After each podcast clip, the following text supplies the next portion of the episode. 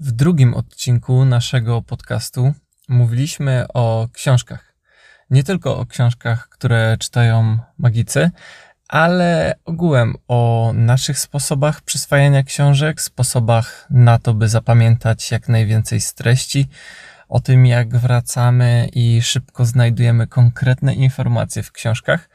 I temat ten był chyba całkiem dobrze odebrany z tego, co kojarzę przez Was, naszych słuchaczy, bo dostaliśmy masę fajnych wiadomości z podziękowaniami za ten temat, ale dostaliśmy również kilka takich zapytań, bo w tym temacie nawiązaliśmy do kwestii robienia notatek, bo nie ukrywaliśmy, że dla nas książki są troszeczkę jak narzędzia, które ułatwiają nam wykonywanie pracy i troszeczkę traktujemy je jak narzędzia, a niekoniecznie sakralia. I zdarza nam się po nich e, troszeczkę pisać, nanosić na nich jakieś modyfikacje, zakładki itd. Tak I wszystko to, by łatwiej się poruszać, nawigować po, po tych treściach zawartych w książkach. I wtedy właśnie wspomnieliśmy o notowaniu i systemach notowania co zaintrygowało kilka osób. Więc obiecaliśmy wtedy, że nagramy kiedyś odcinek o notatkach. I co prawda wiem, że to troszeczkę czasu minęło, bo musiał upłynąć ponad rok, żebyśmy się w końcu do tego zabrali, ale jesteśmy z sezonem drugim i myślę, że to jest bardzo dobry moment na to, by w końcu podzielić się z Wami naszymi super tajnymi systemami notowania i rejestrowania informacji. Także w tym odcinku usiadłem z Patrykiem, żeby omówić nasze różne e, sposoby notowania i dać Wam taki mały rzut, spojrzenie na to, jak mimo tego, że nasze systemy są różne, są bardzo skoncentrowane na tym, by być jak najbardziej praktyczne, jak najbardziej przydatne do pracy. Więc mamy nadzieję, że coś fajnego z tego wyciągniecie. Może skorzystacie z jakiegoś systemu albo chociaż jego fragmentu i coś przyda się Wam również w Waszym sposobie notowania, a może w ogóle zaczniecie notować. Kto wie, kto wie. Nie przedłużając, zapraszam Was na dzisiejszy odcinek o notatkach. Ja nazywam się Jędrzej Waberski, a wysłuchacie internetowego, magicznego podcastu.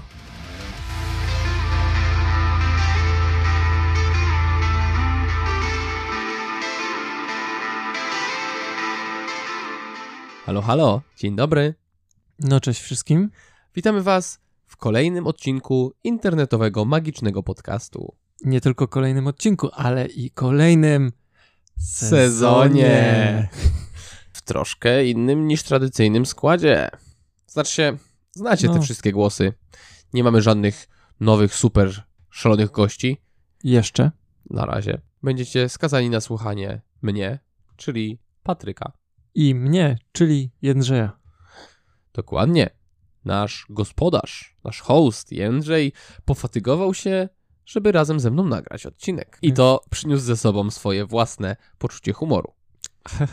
Temat dzisiejszego odcinka nie jest tematem przypadkowym.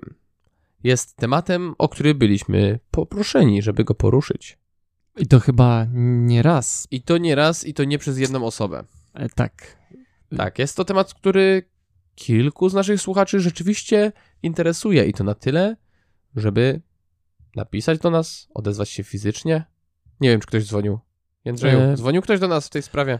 Dzwoni chyba nie. Jakiś mail był, jakaś wiadomość prywatna.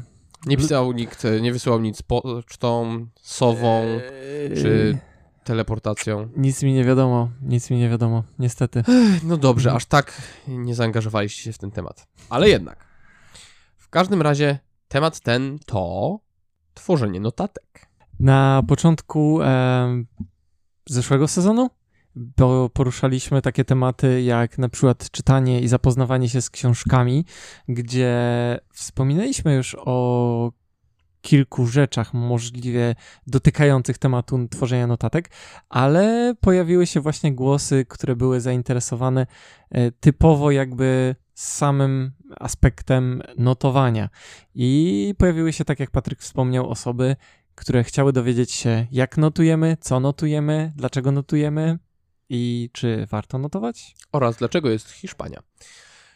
Co? Tak, wydaje mi się, że w tym odcinku o książkach e, bardziej mówiliśmy o tym, jak wyciągać wiedzę z nich i jak korzystać z zakładek ewentualnie i tak dalej. Mhm. Choć tutaj wydaje mi się też wspomnimy o zakładkach. Może być. Bardzo, bardzo możliwe, bo troszkę e, łączy się to z notatkami. Każdy z nas ma swój system notatek, o którym opowiemy. Ale po co właściwie coś notować? Jędrzeju, jak myślisz? Po co to wszystko? Po co to zabijanie drzew, wytwarzanie długopisów i ołówków? Po co to całe pisanie? Mm, Bo delfiny lubię, a drzew nienawidzę. Dlatego zabijanie drzew. To by było na tyle. Żegnamy się i słyszymy się w kolejnym odcinku. I teraz już ten y, ekolodzy po nas jadą. Io, io, ekopolicja. E, nie, a w każdym razie mm, myślę, że każdy z nas ma odrobinę mm, inne powody, dlaczego notuje i dlaczego zapisuje swoje myśli. E, ale sprowadza się to jakby do jednego, jednej takiej fun- fundamentalnej zasady, że po prostu nie chcemy, żeby nam coś uciekło. Tak, właśnie chciałem powiedzieć, że wydaje mi się, że wszyscy mamy bardzo podobną podstawę Mhm. i to dlatego, że nasze mózgi są kiepskie i nie jesteśmy w stanie pamiętać wszystkiego zawsze.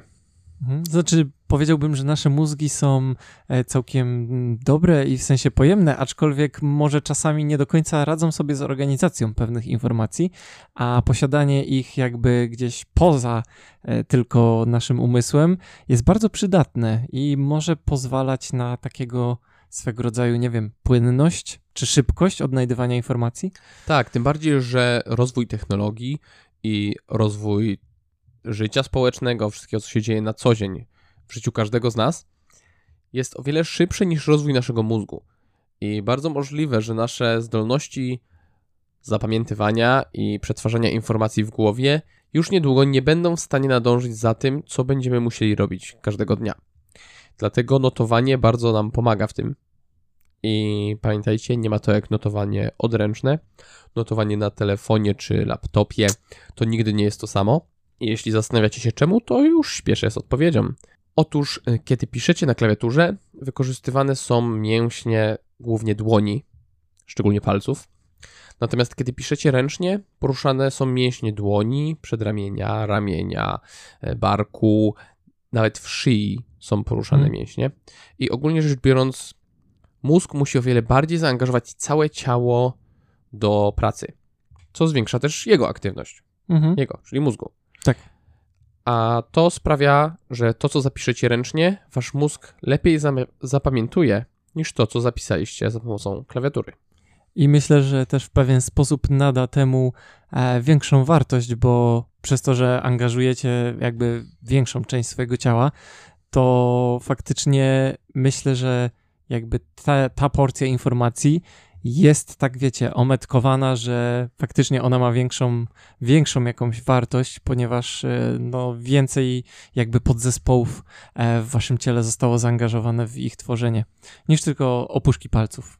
Tak, więc notowanie ogólnie rzecz biorąc ręczne jest lepsze, jest fajniejsze. Znaczy, y, oczywiście nikomu nie bronimy notować na swoim telefonie, zwłaszcza jeśli ktoś posiada tak fantastyczny telefon jak seria e, Samsung Galaxy Note, która jest wyposażona w niesamowity rysik o wielofunkcyjnych aspektach, wielu możliwościach, które pozwalają nie tylko sporządzać fenomenalne notatki, ale również tworzyć e, rysunki, przerabiać zdjęcia i tak dalej. Ale nieważne, Samsung mi nie płaci, więc może skończę w tym miejscu. Niestety, tak, niestety Samsung nie płaci nam za to, aczkolwiek y, wszyscy u nas w redakcji są fanami Samsungów Note'ów Tak. i ja uważam, że to rzeczywiście ten udział rysika jako części telefonu jest tutaj głównym aspektem tego. Poza tym, że to i tak jest po prostu świetny sprzęt, aczkolwiek rysik w telefonie zawsze pod ręką to jest, no, Ułatwienie na pewno. zbawienie w pewnych momentach. Tak jest, tak jest. Także jeśli ktoś z Was y, nie,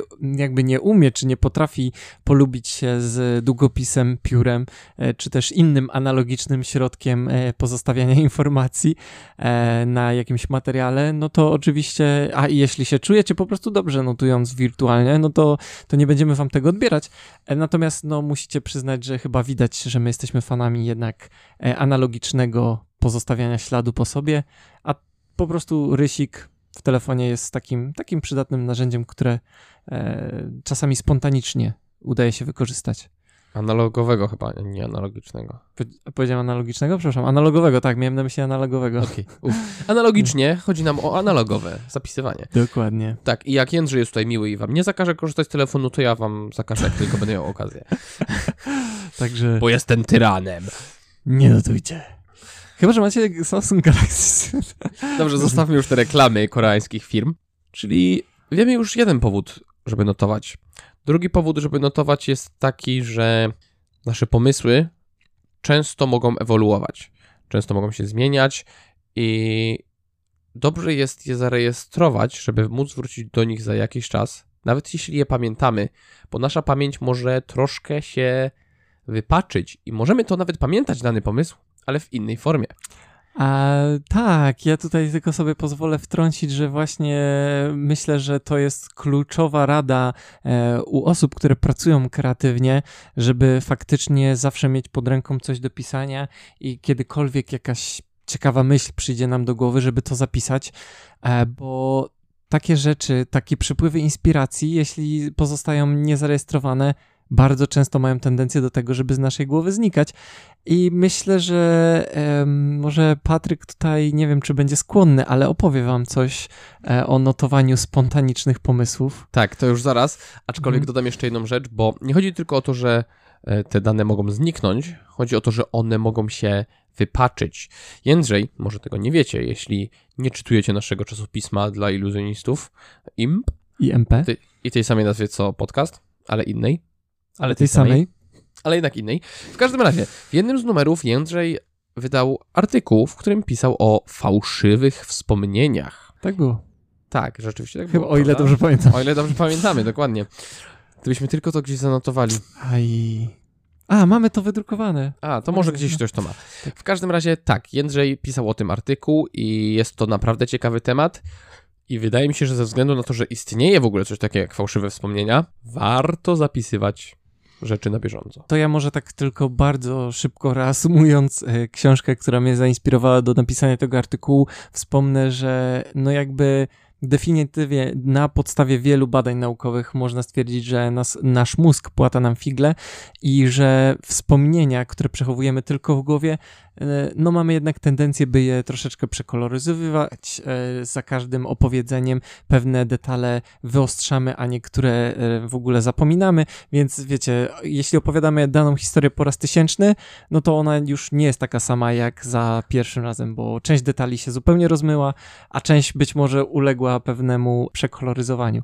To jest tak jak, jak mówi ta teoria, że przypominanie sobie to nie jest wyciąganie rzeczy z szuflady i spoglądanie na nie, mhm. tylko przypominanie sobie czegokolwiek, to tak naprawdę jest tworzenie tego na nowo.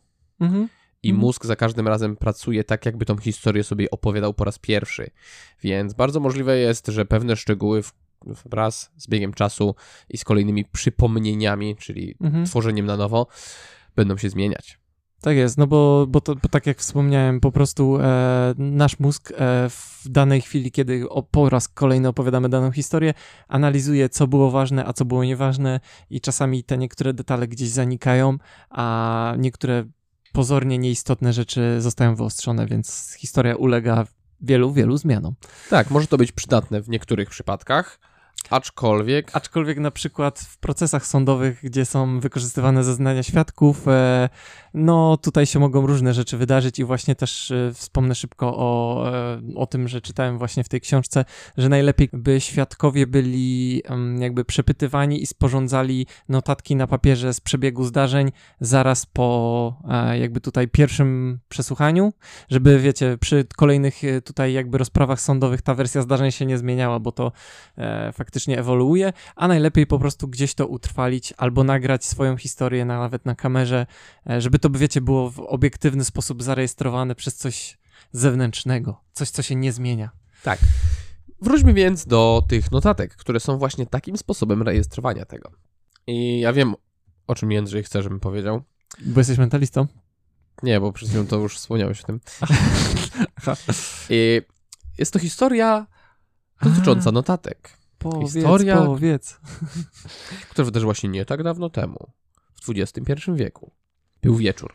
Słońce zaszło. Gwiazdy powoli rozpalały się na niebie. W pewnym pokoju, przy stole, przy świetle z jednej lampy wiszącej z sufitu, siedziało trzech iluzjonistów. Był tam Maciej, którego pewnie kojarzycie. Był tam Kamil, zwany Kamilem Scottem. Też może kojarzycie? I byłem tam też ja. Siedzieliśmy i pracowaliśmy. Pracowaliśmy w sposób dosyć kreatywny, bo staraliśmy się tworzyć nowe efekty, które mogłyby później znaleźć miejsce do naszych repertuarów w spektaklach magicznych, które prezentujemy. Pomysły bzyczały dookoła naszych głów, jak pszczoły pracujące, uwijające się, by zebrać miód. I szczerze mówiąc, tego wieczoru wymyśliliśmy kilka naprawdę fajnych rzeczy. I ja byłem odpowiedzialny za zapisywanie tego. I wszystko szło dobrze, aż do jednego podpunktu.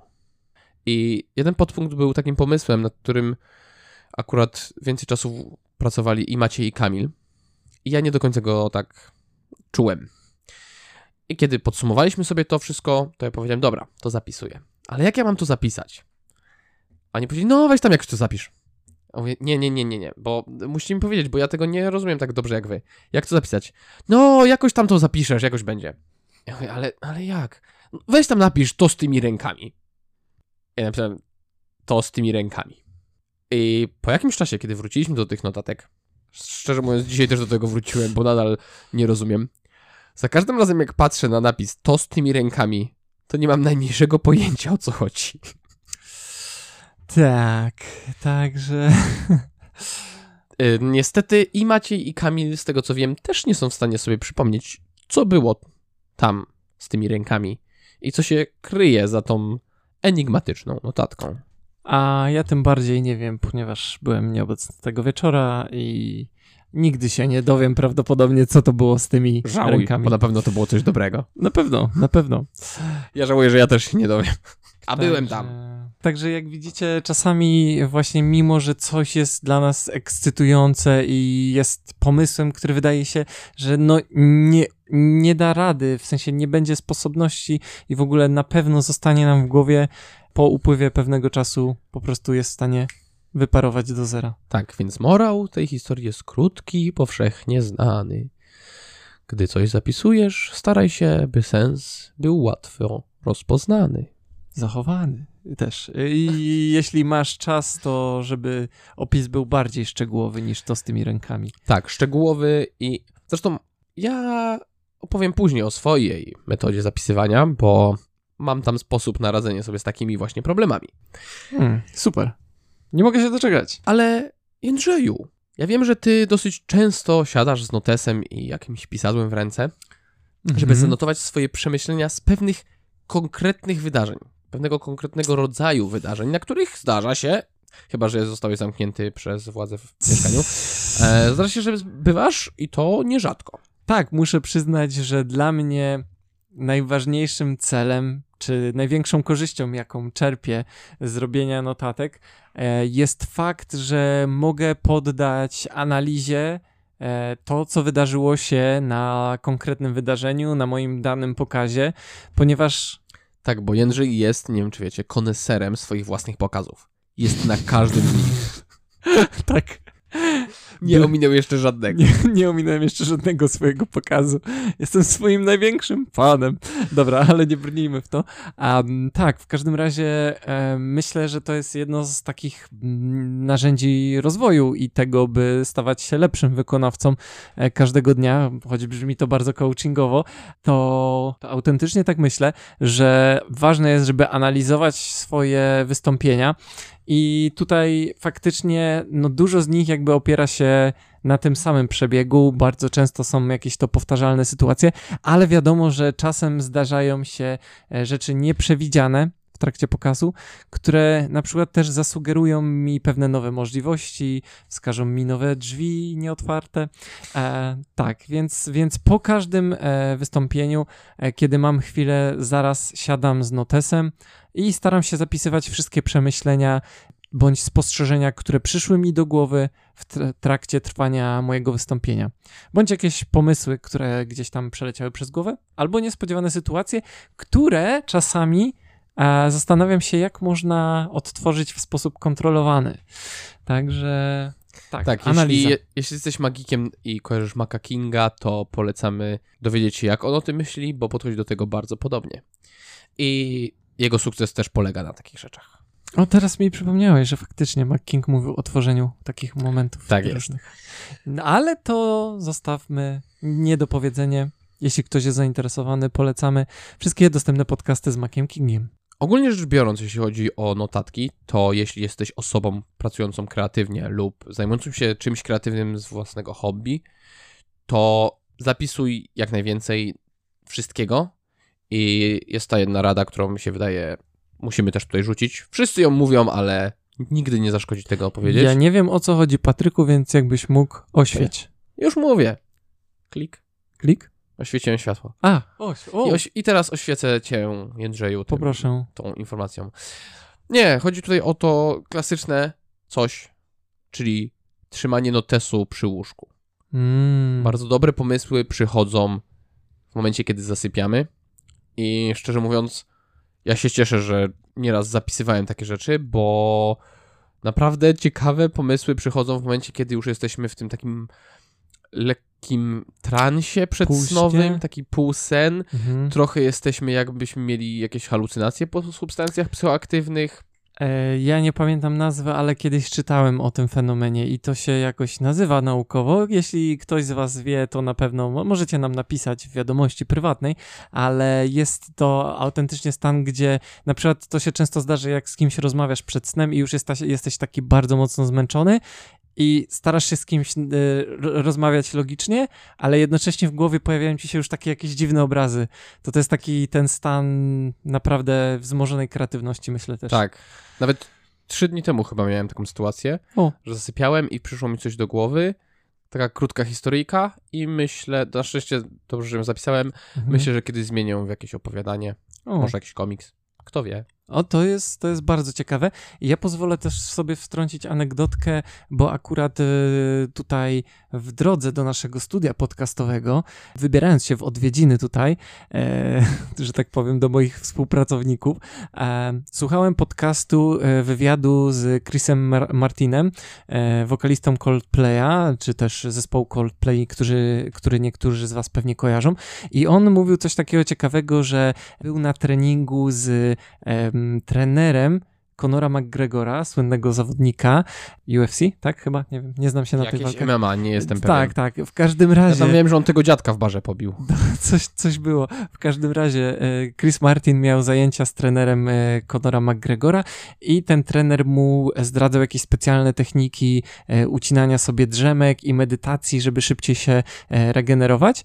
I teraz stara się jak najmniej spać w ciągu doby, bo e, uważa, że właśnie jakby inspiracja. e, On mówi tak, że on nie tworzy piosenek, że piosenki przychodzą do niego i jego zadaniem jest jakby przelać je na papier, przelać je na nuty, przelać je na instrumenty. I mówi właśnie, że najbardziej, najczęściej ten okres aktywności kreatywnej ma między północą a drugą w nocy, więc y, stara się spać relatywnie mało, bardziej wypoczywać, ucinając sobie drzemki, medytując. E, nie polecam tego nikomu, bo wiadomo, dobry sen w nocy, e, taki wartościowy, głęboki sen jest też jak najbardziej cenny, aczkolwiek, no widzicie, są bardzo różne podejścia.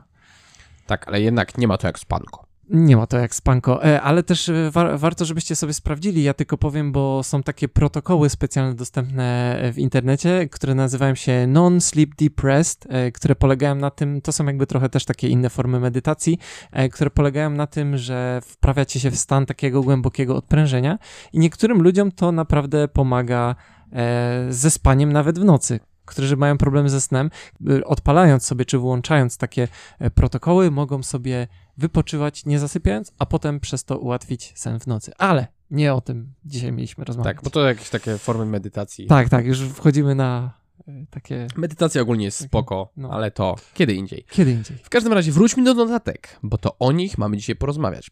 I teraz przejdziemy do konkretów. Mięsko, znaczy warzywka. Koniec tych anegdotek, koniec tego wszystkiego takiego gadania bezsensownego. Tak. Teraz jest to, na co wszyscy czekali. Jędrzeju, Patryku, jaki jest twój system notatek? teraz kawa na ławę. Mm, Tak jest, bez obijania się. Raz, raz. Lewa, prawa, lewa, prawa. y, Strona oczywiście, nie, nie. Strona, tak. em, Otóż y, myślę, że kluczem jest to, żeby każdy znalazł to, co działa dla niego. W sensie jakby nie podaje y, tutaj... Nie. Tak, nie podaję tutaj, jakby wiecie, przepisu złotego środka i tak dalej. Ja powiem wam pokrótce, co funkcjonuje, co dobrze działa dla mnie, a wy możecie oczywiście z tego korzystać. Myślę, że Patryk też podzieli się za chwilę z wami kilkoma pomysłami. Weźcie, spróbujcie to, co wam będzie odpowiadało. Zapiszcie. Korzystajcie, zapiszcie, tak, i wtłoczcie e, do siebie. Więc e, jeśli chodzi o mój system notowania, ja zacząłem e, jakieś 5-6 lat temu, tak na poważnie notować, e, bardzo aktywnie. Wcześniej kupowałem jakieś małe notesy i zapisywałem na nich wyrywkowo pomysły, które przychodziły mi do głowy, ale tak naprawdę to nie do końca dla mnie działało. Zmieniło się wszystko, kiedy natrafiłem na wydrukowany, to znaczy sporządzony na pięknym papierze notes od firmy Moleskine, czyli legendarnej włoskiej firmy tworzącej notesy. Francuskiej. Francuskiej? Francuskiej, z tego co wiem. Picture. Wiem, To- że Picasso używał ich szkicowników. Też słyszałem, że jeszcze wielu różnych artystów, ale A wcale nie są takie dobre. No, e, ja bardzo lubię, ale faktycznie można znaleźć e, no, in, inne też równie, równie dobrze jakościowo. Ale nie brnijmy. W każdym razie natknąłem się na taki piękny, fajny notes Moleskine, który zainspirował mnie do tego, by jakby zgłębić sztukę notowania i się w tym bardziej jakby zanurzyć. I od tego czasu, jeśli chodzi o główny system organizacji moich notatek, to ja zaczynam od tego, że na pierwszej stronie swojego notesu piszę u góry spis treści, co może się wydawać troszeczkę dziwne dla notatnika, ale piszę spis treści i zostawiam stronę oraz kolejną stronę zupełnie czystą. Wtedy od kolejnej strony zaczynam numerację stron. Normalnie na dole u dołu jedna i pojedynczo 1, 2, 3, 4. Normalna, normalny system numeracji, cyfry arabskie. I w każdym razie notuję sobie po kolei to, co akurat mam na bieżąco do przemyślenia, czyli analizy pokazów, luźne pomysły, czy też analizy konkretnego danego efektu magicznego. E, I w momencie, kiedy mam to zanotowane, nanoszę na mój indeks, czy też na mój spis treści. Przykładowo piszę strona druga, e, przemyślenia dotyczące efektu magicznego z trzema kubkami. I tam na tej stronie trzeciej mam wypisane swoje przemyślenia odnośnie tego efektu. Mm, Potem, e, kiedy notuję jakieś kolejne rzeczy, na przykład analizy pokazów, wpisuję pod kolejnymi numerkami, wiecie, po prostu podpisuję spis treści, gdzie znajdę konkretne dane rzeczy. I teraz czasami zdarza się, że na przykład na stronie 10 znowu będę myślał nad tym efektem z trzema kubkami, więc znowu zaczynam sobie pisać trzy kubki i potem znowu przenoszę się do spisu treści i dopisuję już, e, za tym na przykład mam napisane strona druga, czy tam trzecia, e, e, efekt z trzema kubkami i na końcu w nawiasie piszę numery stron, na których nadal kontynuuję rozwijanie tego pomysłu i mam konkretne dalsze pomysły. Dzięki temu, wracając do tego notesu po dłuższym czasie i szukając konkretnego pomysłu, mogę w spisie treści zobaczyć, na których stronach występują przemyślenia dotyczące danych rzeczy, dotyczące analizów pokazów, czy też dotyczące mm, jakichś luźnych pomysłów, bo czasami na przykład mam, nie wiem, strona 121, luźne pomysły i mam naprawdę wypunktowane jakieś takie z czapy dziwne przemyślenia. Tak, i to jest w dużym skrócie mój system, który dla mnie działa, bo e, pomaga mi się zanurzyć w stos notatników i bardzo szybko znaleźć jakąś konkretną ideę, do której chcę wrócić i którą mogę po czasie jakoś tam rozwijać i pomóc przy jej ewolucji. To jest pokrótce mój system. Wiem, że Patryk działa odrobinę inaczej, też lubi to mieć zorganizowane, ale w jaki sposób, to już on sam wam powie. Ale to już teraz? Mam I- mówić? Nie wiem, chyba, że jeszcze nie chcesz, albo coś mam doprecyzować. Mogę zaśpiewać piosenkę. Tu, tu, tu, tu. Dobra, nie śpiewam. Ja zagram na ukulele. Dobrze. Mam nadzieję, że podobał Wam się system Jędrzeja, który jest dosyć prosty i moim zdaniem jest bardzo skuteczny. Aczkolwiek ja mam troszkę inny, bo troszkę inaczej myślę. Plus wychodzę z troszkę innego punktu startu. Zanim zacząłem mieć notesy, to miałem dużo szkicowników, bo od kilkunastu lat praktycznie codziennie rysuję. I ogólnie bardzo lubię rysować, wyrażać swoje myśli w ten sposób, zapisywać je nawet, bo tak, rysunek też forma notowania, ale to o tym za chwilę. Więc y, ja byłem otoczony różnymi notesami, no- notatnikami, szkicownikami, blokami już dosyć długo, zanim miałem potrzebę notowania wszystkiego, o czym sobie wymyślam jakieś pomysły. I z tego też wyszedłem właśnie. Więc najpierw zaczynałem zbierać notesy. Miałem osobny notes do wszystkiego, do każdego tematu. Tu miałem notes na efekty magiczne, tu miałem notes na rzeczy, które mnie rozbawiły, tam miałem notes na rzeczy, które chciałbym kiedyś zmienić w jakieś opowiadanie, komiks, coś innego, bla bla bla. Wszystkie inne takie kreatywne pomysły. Tam gdzieś miałem jakiś notes, z którym zapisywałem swoje spostrzeżenia z podróży. Uff, za dużo tego było. W każdym razie uprościłem to sobie. W obecnym momencie korzystam z notesu, który jest, można by powiedzieć, takim skórzanym segregatorem. Ma takie Mhm. te ząbki, gdzie kartki podziurawione, dziurkaczem czy kupione specjalnie takie. Pamiętajcie, większość porządnych dziurkaczy ma aż te dziurki rozstawione na szerokość akurat segregatora. I wpinam sobie takie karteczki właśnie w ten notes segregatorowy, koniecznie skórzany. Pamiętajcie, skórzane notesy są lepsze. Ogólnie skórzane rzeczy są lepsze niż z innych materiałów. Na pewno bardziej trwałe. Tak jest. I nawet lepsze dla środowiska niż tworzenie plastiku. No chyba, że to jest wielorazowy plastik, to dobra, ale to się nie wgłębiajmy. Nie wierzcie w wielorazowy plastik. I kupujcie tylko skórę garbowaną roślinnie, bo jest, jest Uuu. fajna. Chromowo też można, ale to nie jest aż takie przyjemne w dotyku. W każdym razie, mam ten e, notes i do niego mam powpinane kartki. Mam podzielony go też na rozdziały. Na początku mam główne projekty, którymi się zajmuję. Potem mamy troszkę podobnie do e, bullet journalingu, mam podzielone zadania na konkretne dni, tygodnie i tak dalej.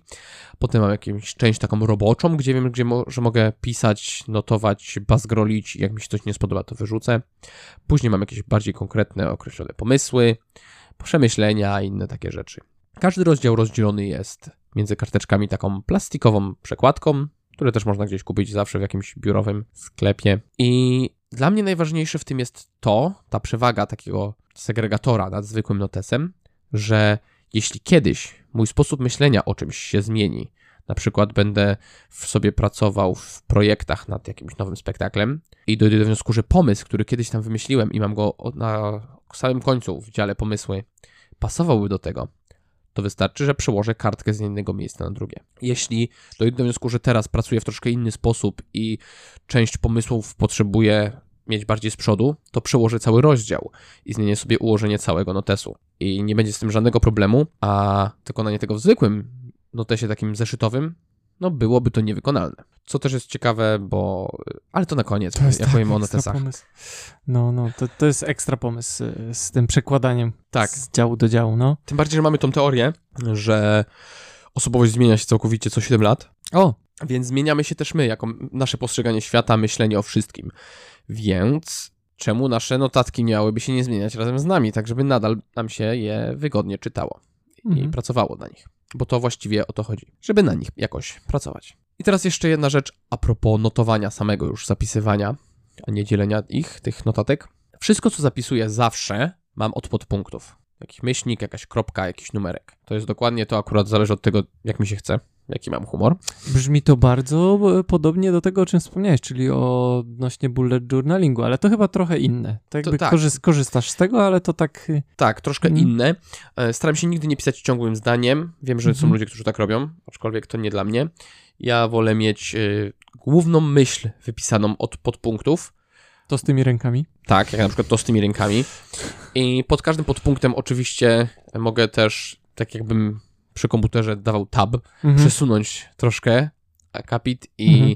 e, pisać troszkę dalej w prawą stronę i robię punkty, podpunkty, podpodpunkty, inne Mhm. takie rzeczy i później bardzo łatwo jest mi się poruszać między wszystkim, bo wystarczy, że patrzę na główne elementy i później dopiero mogę przeskakiwać do tych mniejszych, bla, bla, bla. Mhm. No wiecie, jak to działa. Na Tak. pewno kiedyś czytaliście jakiś skrypt, ktoś wam pożyczył na studiach czy coś. No tak, tak, tak, ale jeśli chodzi o same te podpunkty i tak dalej, to ja też tu właśnie chciałem wspomnieć, że e, ja na przykład mam tendencję do, m, jeśli robię na przykład analizę swojego pokazu, to właśnie każdą jakby myśl odnośnie innego efektu, czy jakiegoś takiego konkretnego pomysłu, e, też jakby mm, umieszczam jako osobny punkt i ewentualnie, tak jak Patryk tutaj wspomniał, e, robię poszczególne podpunkty, jeśli na przykład coś rozbija się na kilka wariantów, ale to myślę, że każdemu z Was jakby intuicyjnie będzie, będziecie w stanie wyczuć, e, jak można podzielić daną myśl i czy w ogóle jest sens ją dzielić, czy to jest po prostu jedno krótkie przemyślenie.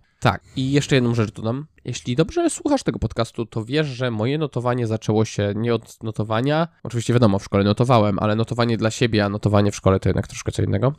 Moje notowanie zaczęło się od rysowania. I ja uważam, że rysowanie wśród notatek jest bardzo, bardzo, bardzo ważne i każdy powinien to robić. Między innymi dlatego, że troszkę uruchamia to inne elementy mózgu, myślisz troszkę bardziej kreatywnie, masz troszkę bardziej otwarty umysł dzięki temu. Plus, jeśli coś narysujesz i masz rysunek na przykład do podpunktu to z tymi rękami, to jesteś w stanie sobie odtworzyć na podstawie samego rysunku swoje myśli z tamtego okresu, kiedy zapisałeś te nieznajome słowa, co to właściwie Mhm. miało znaczyć. I rysunek jest w stanie o wiele bardziej wzbogacić wszystkie dane, które chcesz przekazać. Plus niektóre rzeczy po prostu ciężko jest opisać słowami. Tym bardziej jeśli twoja kreatywność e, opiera się też na różnych konstrukcjach, a ja często konstruuję różne rzeczy, to tam rysunek jest niezbędny. Tak, i myślę też, ja tu może wspomnę, bo ja o tym nie wiedziałem, ale teraz jest taki, czy, przynajmniej parę lat temu jeszcze był mm, taki trend, że bardzo y, dużo osób stawiało na e, te wizualne notatki e, i w ogóle było dużo takich treneru, trenerów, którzy jakby określali się jako ryśliciele, po, jako połączenie słowa myśliciel Serio? i rysownik, tak, tak, no, był Nie taki trend duży.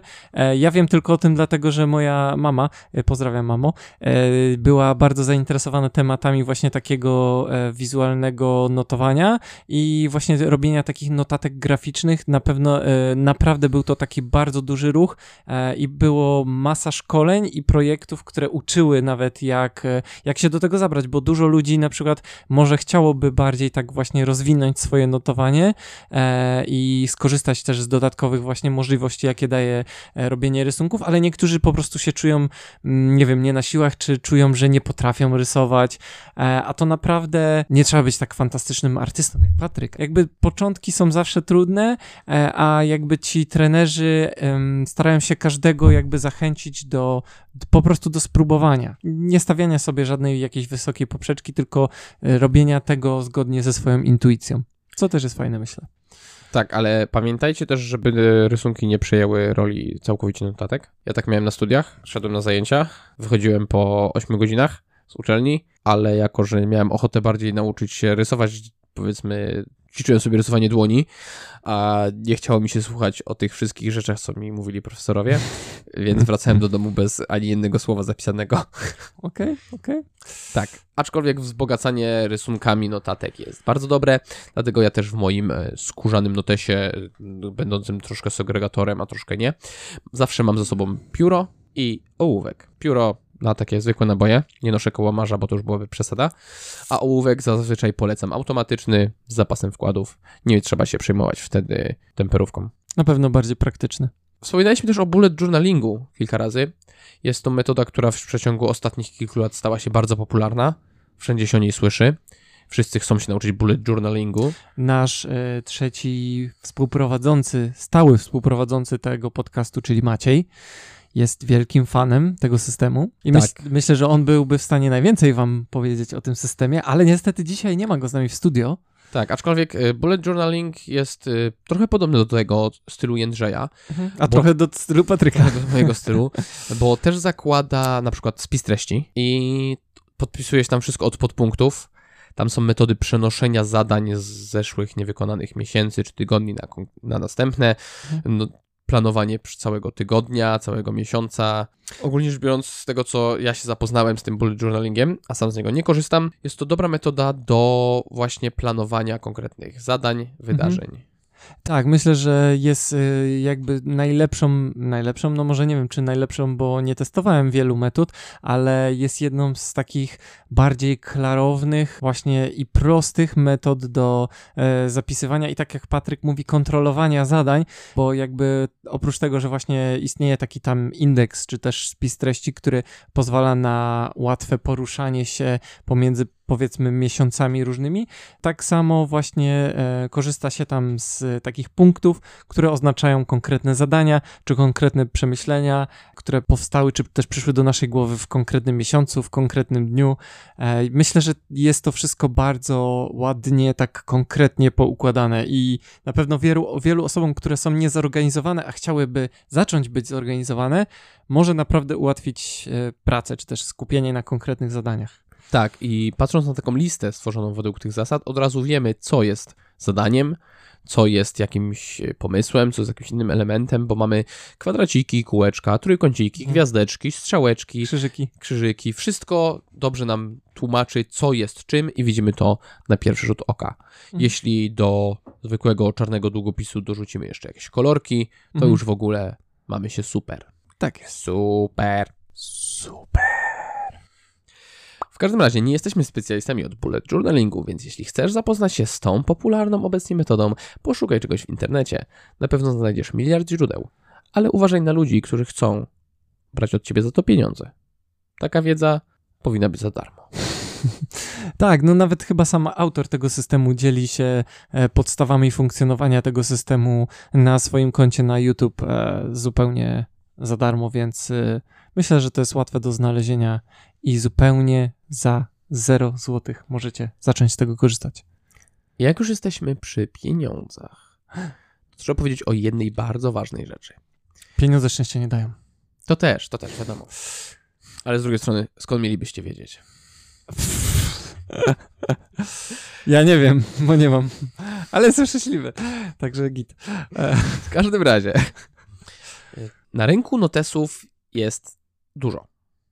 Jest mm, za dużo. Jak wszystkiego. To jest, to jest przesada wręcz. Ile jest notesów na Mhm. rynku? Rodzajów, y, marek, materiałów, z których są zrobione. Ostatnio na przykład widziałem, wyświetliła mi się reklama. To nie mówiłem ci o tym Jędrzeju jeszcze, Nie wiem. więc to mam wrażenie, też ci się spodoba. Hit me hard. Bo e, wiecie o co chodzi z notesami, no nie? O co chodzi z Żeby, żeby zapisywać swoje myśli, tak? Aha, no. No, więc znalazłem notes, który miał jedyną niepowtarzalną cechę.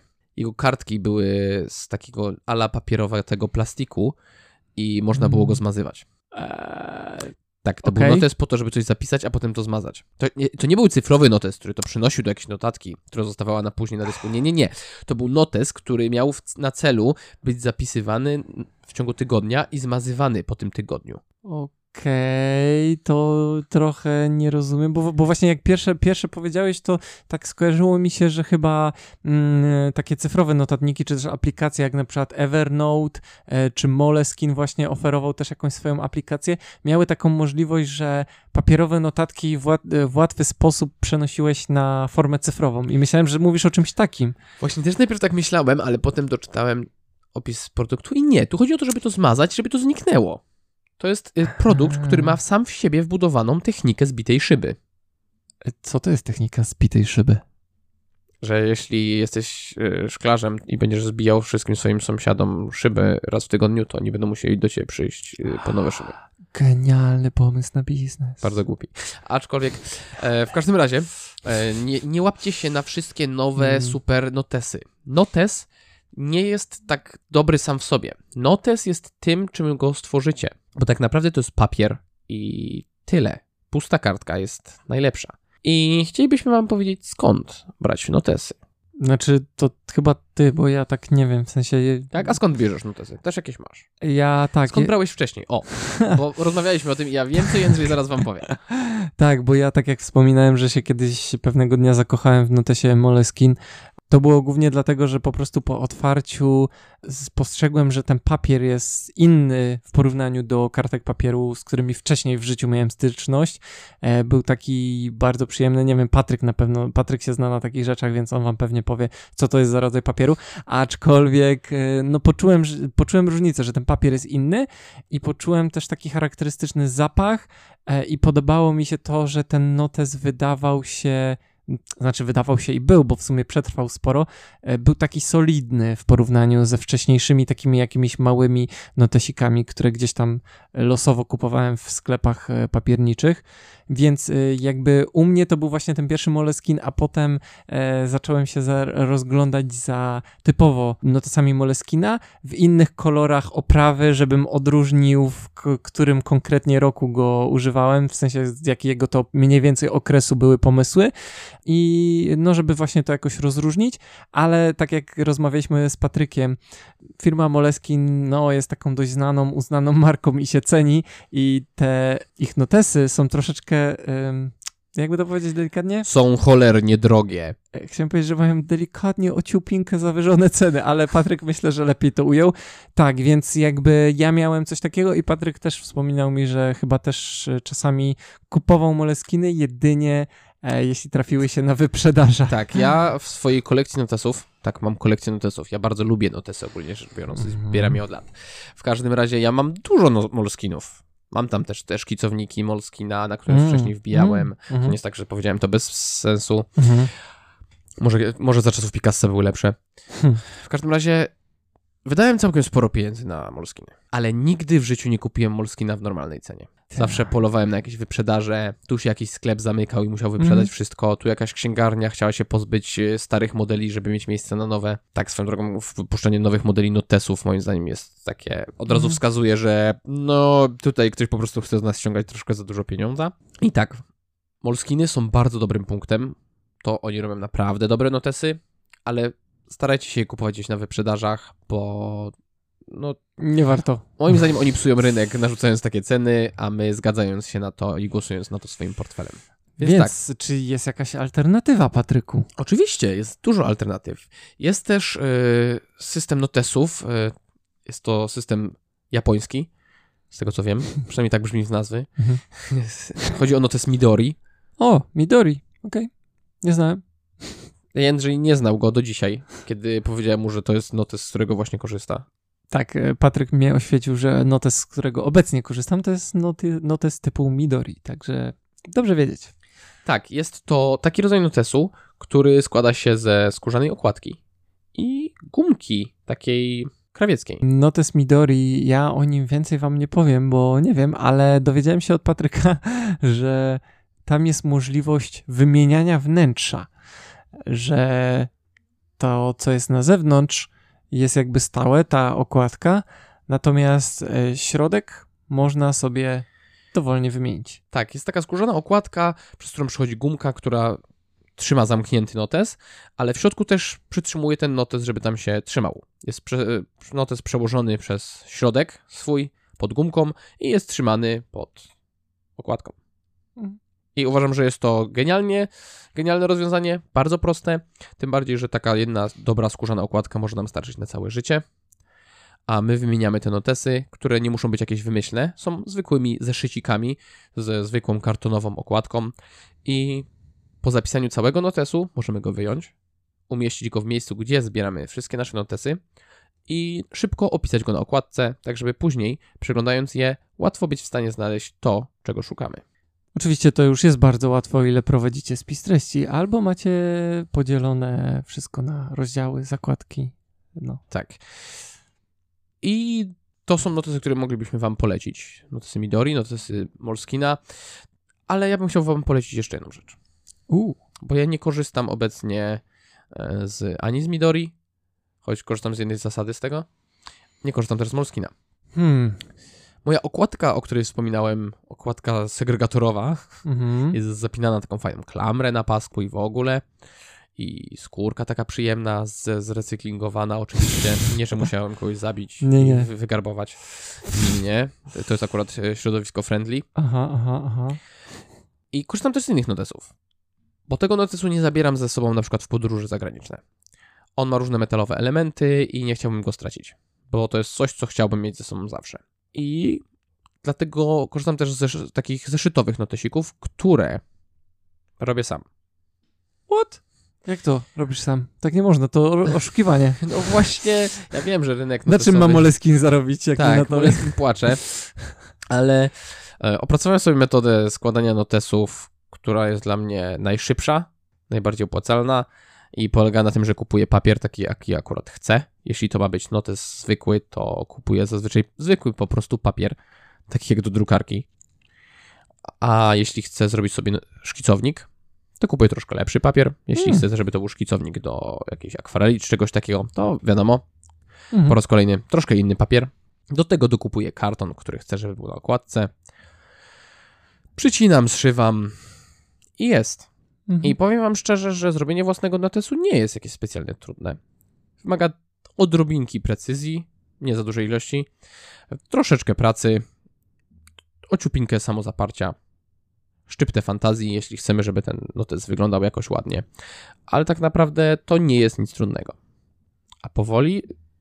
A to może, może trochę zdradzę sekretu, co? No, ja nie wiem, czy możesz. Nie, bo po, powoli pracuję nad, a propos notesów nad sekretnym e, projektem, nad którym tutaj z redakcją Impa za niedługo będziemy pracować, a nasi patroni dowiedzą się o nich kiedyś. Jak projekt dnia. będzie gotowy do publikacji. Także jeszcze troszeczkę cierpliwości. Tak, więc y, w ten sposób jesteśmy w stanie tworzyć notes y, zwykłe i niezwykłe. Więc tak, ja polecam zabawę. Jest bardzo przyjemna, jeśli ktoś lubi coś tworzyć. Ja lubię, ale z notesami to chyba nie dałbym rady, aczkolwiek nie wiem. Aczkolwiek Trzeba by spróbować. zaraz dostaniesz jakiś, który ja, ja ci zrobię, więc nie ma Dzięki, co, co Patryk. narzekać. tak, także dobrze mieć takiego Patryka pod ręką. I żeby nie przepłacać na Moleskiny. Tak, Polecam. ale warto też y, czasem dowiedzieć się, czemu ludzie przepłacają. Więc jeśli chcesz przepłacić na swojego pierwszego Molskina i stać się na to, to czemu Ach. nie? Spróbuj. Molskiny są fajne i bardzo ładnie wprowadzają w noszenie notesa przy sobie, bo Mhm. Molskin jest po prostu fajną rzeczą. E, tak, i przypomniała mi się jeszcze jedna rzecz odnośnie Moleskinów, która mnie bardzo przekonała, że oprócz tego zapachu e, fajnej, twardej okładki, takiej miłej gumki, fajnego papieru, to Moleskiny zawsze na samym końcu, na tylnej okładce mają taką sekretną, ukrytą kieszeń, która jest przemiła.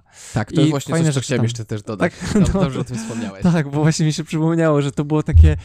To był element, nad którym się zachwycałem, nie wiem, prawie przez tam cały rok, przez pierwszy rok korzystania z Moleskina. I w sumie nadal, jak sobie o tym myślę, to jest taki, taki niby nic nieznaczący detal, ale Tak, kieszonka z tyłu lub z przodu notesu jest bardzo ważna moim zdaniem do przechowywania różnych rzeczy, czy to luźnych notatek, czy to jakichś e, karteczek, które gdzieś zebraliśmy, jakiś wlepek, który ktoś nam dał, jakichś wizytówek, najróżniejszych rzeczy. W moim notesie akurat mam kieszonkę i z przodu i z tyłu, żeby zwiększyć e, powierzchnię tą przechowywawczą.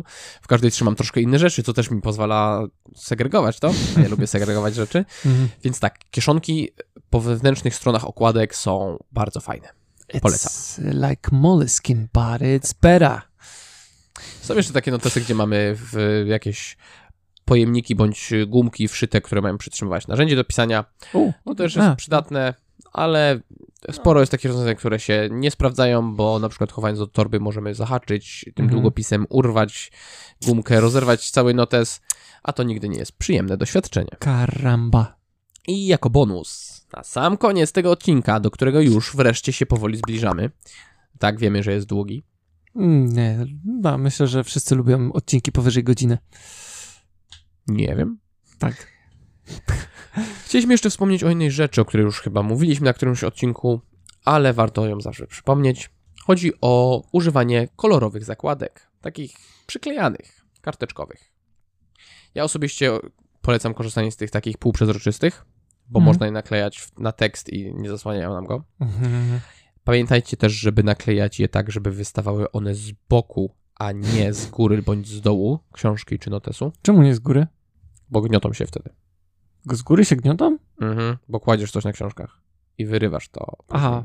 Znaczy ja nie kładę nic na książkach, ale ja i tak, ja przyklejam z boku, ale w sumie To znaczy, że masz za mało książek. nie, bo jak kładę książki w takim stosiku, bo nie mam regału, a nieważne, ale, ale tak, tak. Więc że jest tak środowisko friendly, że nie używa regałów. Nie szaf. używam regałów, generalnie książki mam tylko z recyklingu. I nie kupujcie książek, kupujcie e-booki. Nie żartuję, oczywiście książki papierowe to jest złoto. A e-booki wpływają na niszczenie środowiska. No, E, I w ogóle wiecie, że super szybka ciekawostka. Wiecie w ogóle, że więcej e, dwutlenku węgla jest emitowane e, przy odtwarzaniu muzyki ze Spotify niż przy kupowaniu muzyki na CD i odtwarzaniu wieży?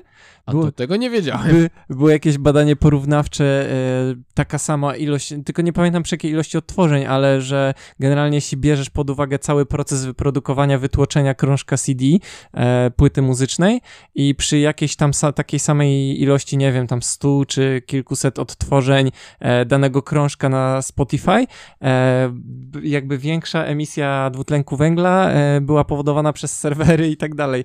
Także znaczy, domyślam się, że to nie jest kwestia kilkuset odtworzeń, tylko pewnie kilku, kilkunastu tysięcy, ale wiecie, w skali jakby globalnej. No, w skali świata, tak. Tak, to, my, to myślę, że, że faktycznie może to być. Tak, także to było takie ciekawe, że jakby cały proces produkowania CD jest bardziej eco-friendly niż streamowanie muzyki, ale mniejsza. Troszkę smutne, tak, a troszkę tak, śmieszne. Tak, tak już bywa. E, zakładki z boku, wracając do tematu. Tak, zakładki z boku. Plus, y, ja mam swoją metodę, na którą wpadłem kiedyś i Jędrzej powiedział mi, że widział podobną bardzo A.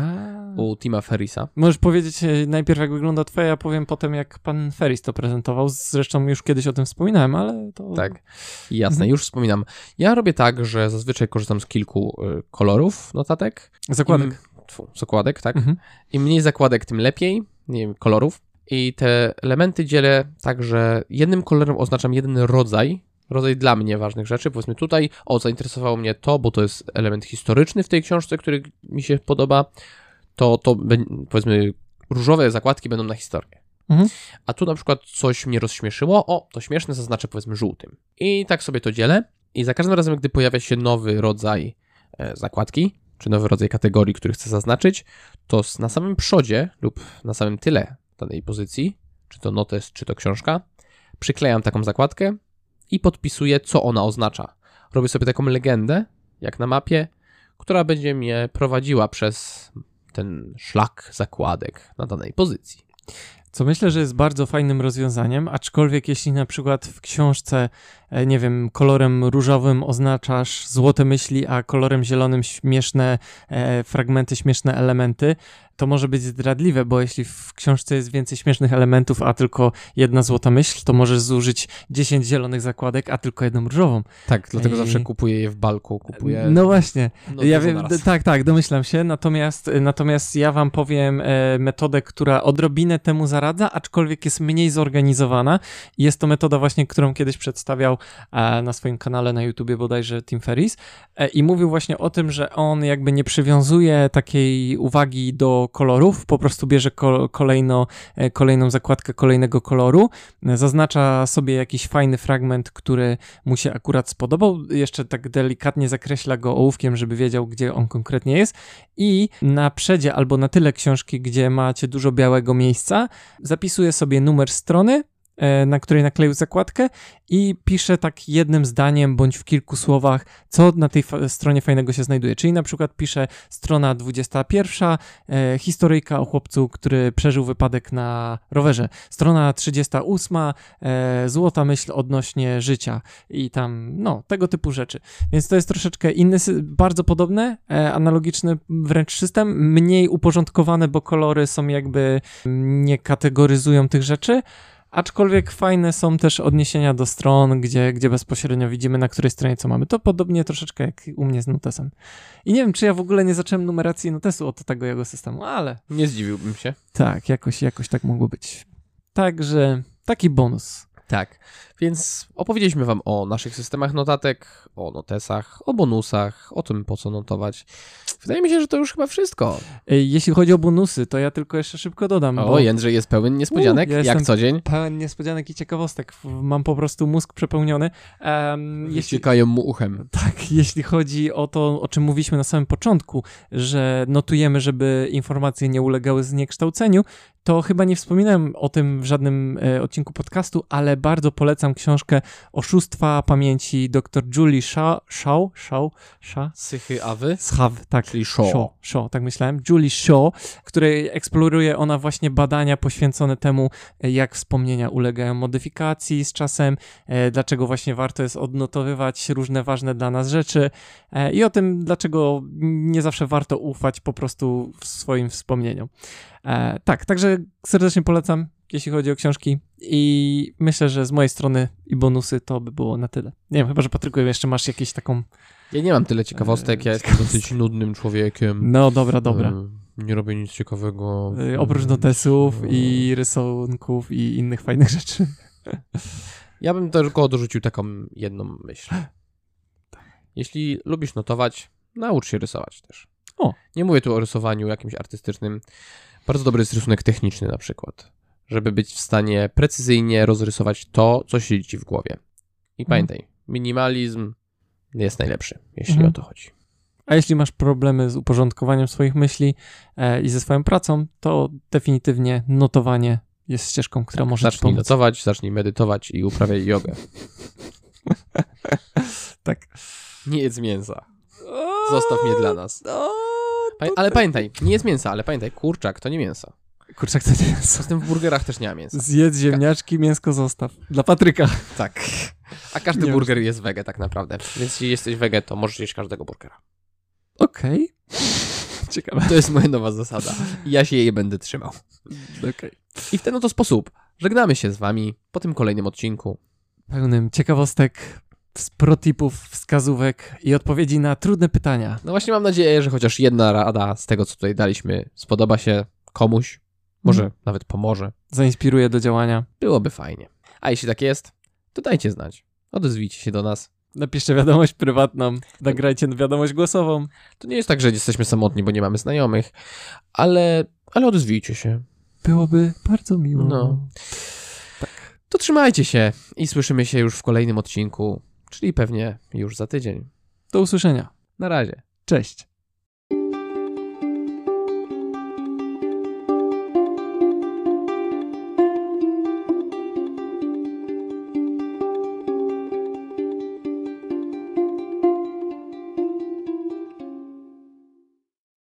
Dzięki serdecznie za odsłuchanie tego odcinka. Teraz już znacie nasze najmroczniejsze sekrety dotyczące notowania. Słowem sprostowania, czy może doprecyzowania informacji. Mm, Słyszeliście, że mieliśmy z Patrykiem pewną niezgodność, ponieważ w mojej głowie Moleskin jawił się jako firma włoska, natomiast Patryk tutaj wspomniał, że no chyba to jest firma francuska. I żeby troszeczkę rozwiać te wątpliwości, e, delikatnie postanowiłem wgłębić się w ten temat i znalazłem informację, że na samym początku notesy Moleskin były produkowane przez małe włoskie manufaktury, ale były dystrybuowane głównie przez paryskie sklepy papiernicze. Więc można powiedzieć, że każdy z nas miał odrobinę racji. I tak jak Patryk wspomniał, ta marka stała się w pewien sposób kultowa, e, na tyle, że korzystali z niej wielcy twórcy, artyści. Jak Patryk wspomniał, Pablo Picasso. Producent twierdzi również, że na przykład Vincent van Gogh czy Ernest Hemingway e, również korzystali z tych notesów. Także śmietanka towarzyska korzystająca z notesów tej marki była naprawdę ciekawa. E, Ale tak jak wspomnieliśmy, są różne alternatywy, są notesy e, tańsze, a równie dobre jakościowo. Cóż, pozostaje mi tylko życzyć Wam powodzenia w znalezieniu swojego idealnego notesu, na którym po prostu dobrze będzie się Wam pracowało. I jeszcze jedna szybka rzecz, czy raczej może ciekawostka, ponieważ my tutaj tak bardzo e, również uprościliśmy kwestię tego, że pisanie odręczne jest lepsze niż pisanie na klawiaturze i tak tylko bardzo pobieżnie rzuciliśmy, że przy pisaniu odręcznym e, angażujemy jakby więcej podzespołów naszego ciała, ale stwierdziłem, że to, to jest niedostateczne. W sensie, jakby to jest dla nas bardzo intuicyjne, że tak faktycznie jest, ale czy są na to jakieś dowody naukowe? I e, zupełnie, no nie powiem, że zupełnie przypadkiem, bo specjalnie szukałem tego badania, ale e, znalazłem badanie, e, które było taką w sumie metaanalizą, bo analizą różnych analiz odnośnie badań nad różnicami pomiędzy notowaniem odręcznym a notowaniem poprzez klawiatur, użycie klawiatury. I najświeższe badanie, jakie znalazłem, jest to badanie pani Miller i pana Oppenheimera z 2014 roku. Konkluzja jest taka, że przeprowadzili oni trzy różne eksperymenty, gdzie właśnie grupy studenckie miały sporządzać notatki e, na wykładach i niektóre grupy właśnie robiły to odręcznie, niektóre grupy robiły to na klawiaturze. I tak jak właśnie tutaj rzuciliśmy e, naszym hasłem, każde z tych trzech badań, w których zmieniały się odrobinę różne czynniki, wykazało, że notowanie odręczne było lepsze, to znaczy później uczestnicy byli w stanie sobie e, przypomnieć więcej informacji kiedy notowali ręcznie. I jeśli chodzi tutaj o kwestie takie właśnie, czy oni w ogóle e, mieli dostęp do tych notatek, to znaczy, czy mieli okazję w ogóle je sobie powtórzyć przed testem, to właśnie co najciekawsze jakby dla mnie, to kwestia taka, że nawet kiedy uczestnicy nie mieli okazji przeczytać na nowo i odświeżyć tych informacji przed testem, i tak notowanie ręczne, jakby grupa notująca ręczne osiągała wyższe wyniki w testach i miała przyswojone więcej mm, informacji. Co też dodatkowo ciekawe, to fakt, że grupy piszące na klawiaturze um, jakby powtarzały więcej słów, które zawierały się w oryginalnym tekście wykładu, czyli były robione porównania e, dokładnego zapisu wykładu, tego co mówił wykładowca i notatek e, osób, które mm, notowały zarówno ręcznie, jak i klawiaturowo. I e, była wykazana zależność, że osoby, które notowały na klawiaturze, z racji tego, że szybciej człowiek jest w stanie pisać na klawiaturze niż odręcznie, dosłownie często przepisywały mm, słowa prowadzącego, a osoby, które notowały ręcznie, częściej jakby upraszczały te formy e, zdania i troszeczkę przekształcały na swój odmienny sposób, używając mniej słów, tak że te notatki były krótsze, ale możliwe, że bardziej skoncentrowane. I myślę, że to też jest jeden z takich e, właśnie czynników, które wpływają może na to, że e, te notatki odręczne zostają nam gdzieś tam w pamięci, bo nasz mózg jakby wykonuje te procesy swego rodzaju kreatywne, żeby po prostu e, zawrzeć, nie wiem, informacje z jednego zdania w, w paru słowach i żeby to troszeczkę uprościć. Więc myślę, że faktycznie tutaj umysł jest bardziej zaangażowany przy tym odręcznym notowaniu. E, jakby autorzy tego badania e, nie wnikali, dlaczego by tak mogło być, po prostu e, zrobili chłodną analizę wyników, jakie podejście dało lepsze rezultaty. Ja Wam tutaj zalinkuję w opisie wyniki do tego badania, bo to jest mega ciekawe badanie. Nie chcę Was już bardziej zanudzać, ale pamiętajcie, że notowanie odręczne naprawdę jest superior, także polecanko.